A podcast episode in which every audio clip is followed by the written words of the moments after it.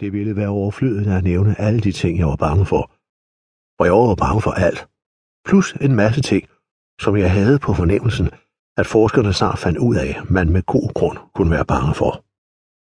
Jeg forestillede mig dengang, at jeg ikke ville være bange, hvis jeg var det eneste eksisterende væsen på jorden. Men det passer jo ikke. Og så ville jeg jo være bange for ensomheden. Min angst var også grunden til, at jeg blev mistænkt og anholdt for mordet på strand. Hunde har den tvivlsomme egenskab, at de kan lugte, når folk viser tegn på angst. Forskere hævder, at det er ens sved, de lugter. Siden har man fundet ud af, at mennesker har den samme evne, om end i ringere grad. Det er i øvrigt en indviklet problematik med disse forskere. Jeg er hundred for at læse det, de skrev. Og jeg var også meget for at lade være, for tænk nu, hvis en af artiklerne handlede om, hvordan man kunne befri sig for sin angst. Det var over forskernes skyld, at jeg næst efter kødben og hundekiks var hundes foretrukne føde. Jeg vidste, at jeg skulle undgå at svide, når jeg mødte sådan en firbenet fætter. Men fordi jeg vidste det, brugte jeg ofte så meget energi på at bekæmpe min sved, at jeg uværligt kom til at svide.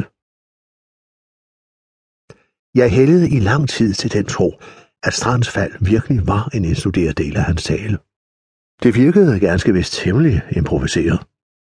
Men Strander havde det med at indstudere sine improvisationer så godt, at de virkede improviserede. Jeg så længe og smilte anerkendende af Strand, der lå der i hvidløgsskålen. Hiv ham dog op, mand, sagde borgmesterens kone. Giv tid, sagde jeg. Han er ikke færdig endnu. Strand blev lykkende. Så gør dog noget, mand, sagde hun og puffede til mig. Kan de ikke se, at han har fået et ildebefindende? Tværtimod, sagde jeg. Det er et storartet nummer. Bare vent og se, hvad han nu finder på. Jeg klappede begejstret hænderne og nikkede i takt til min applaus. Forskellige forsøgte at trænge sig på for at hive strand op af hvidløgsskålen. Jeg holdt dem stange et stykke tid, men til sidst måtte jeg give fortabt. Dr. Magnus kom til og tog puls for strand. Han er død. Jeg udskriver nogle... Øh, nå nej. Luften var med det samme tyk af mistanke mod mig, for at være skyld i strandstød. Disse mennesker kunne simpelthen lugte, at jeg var bange. Det forbedrede ikke min position, at jeg til det sidste nægtede, at Strand var død. Det hele er spil, sagde jeg. Hans puls slår ikke, sagde dr. Magnus. Han har øvet sig, sagde jeg. Jeg troede ikke på døden. Dertil havde jeg levet for længe sammen med Ingrid. Folk skulle virkelig være døde, og helst lugte røden for at overbevise mig. Som strand lå der, forekom han mig stadig betydeligt mere levende end Ingrid. Folks blikke rettedes mod mig. Der var lønstemning i luften. Jeg svedte. Man begyndte at viske. Han ville ikke lade nogen komme til, viskede borgmesterens kone til sin mand. Hun rynkede næsen og snusede ind. Nej, sagde borgmesteren. Det var meget uheldigt. Men måske eksisterer der en kopi af talen.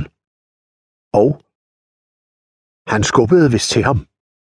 Hans kone har vist en affære med Strand.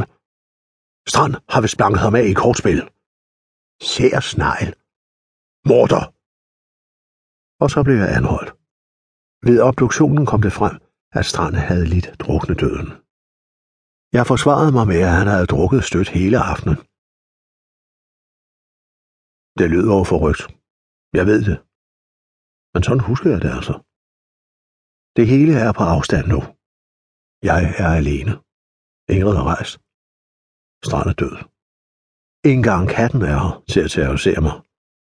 Jeg er alene, men det er en anden ensomhed, jeg føler nu. Jeg er blevet en anden. Jeg forsøger at samle tankerne.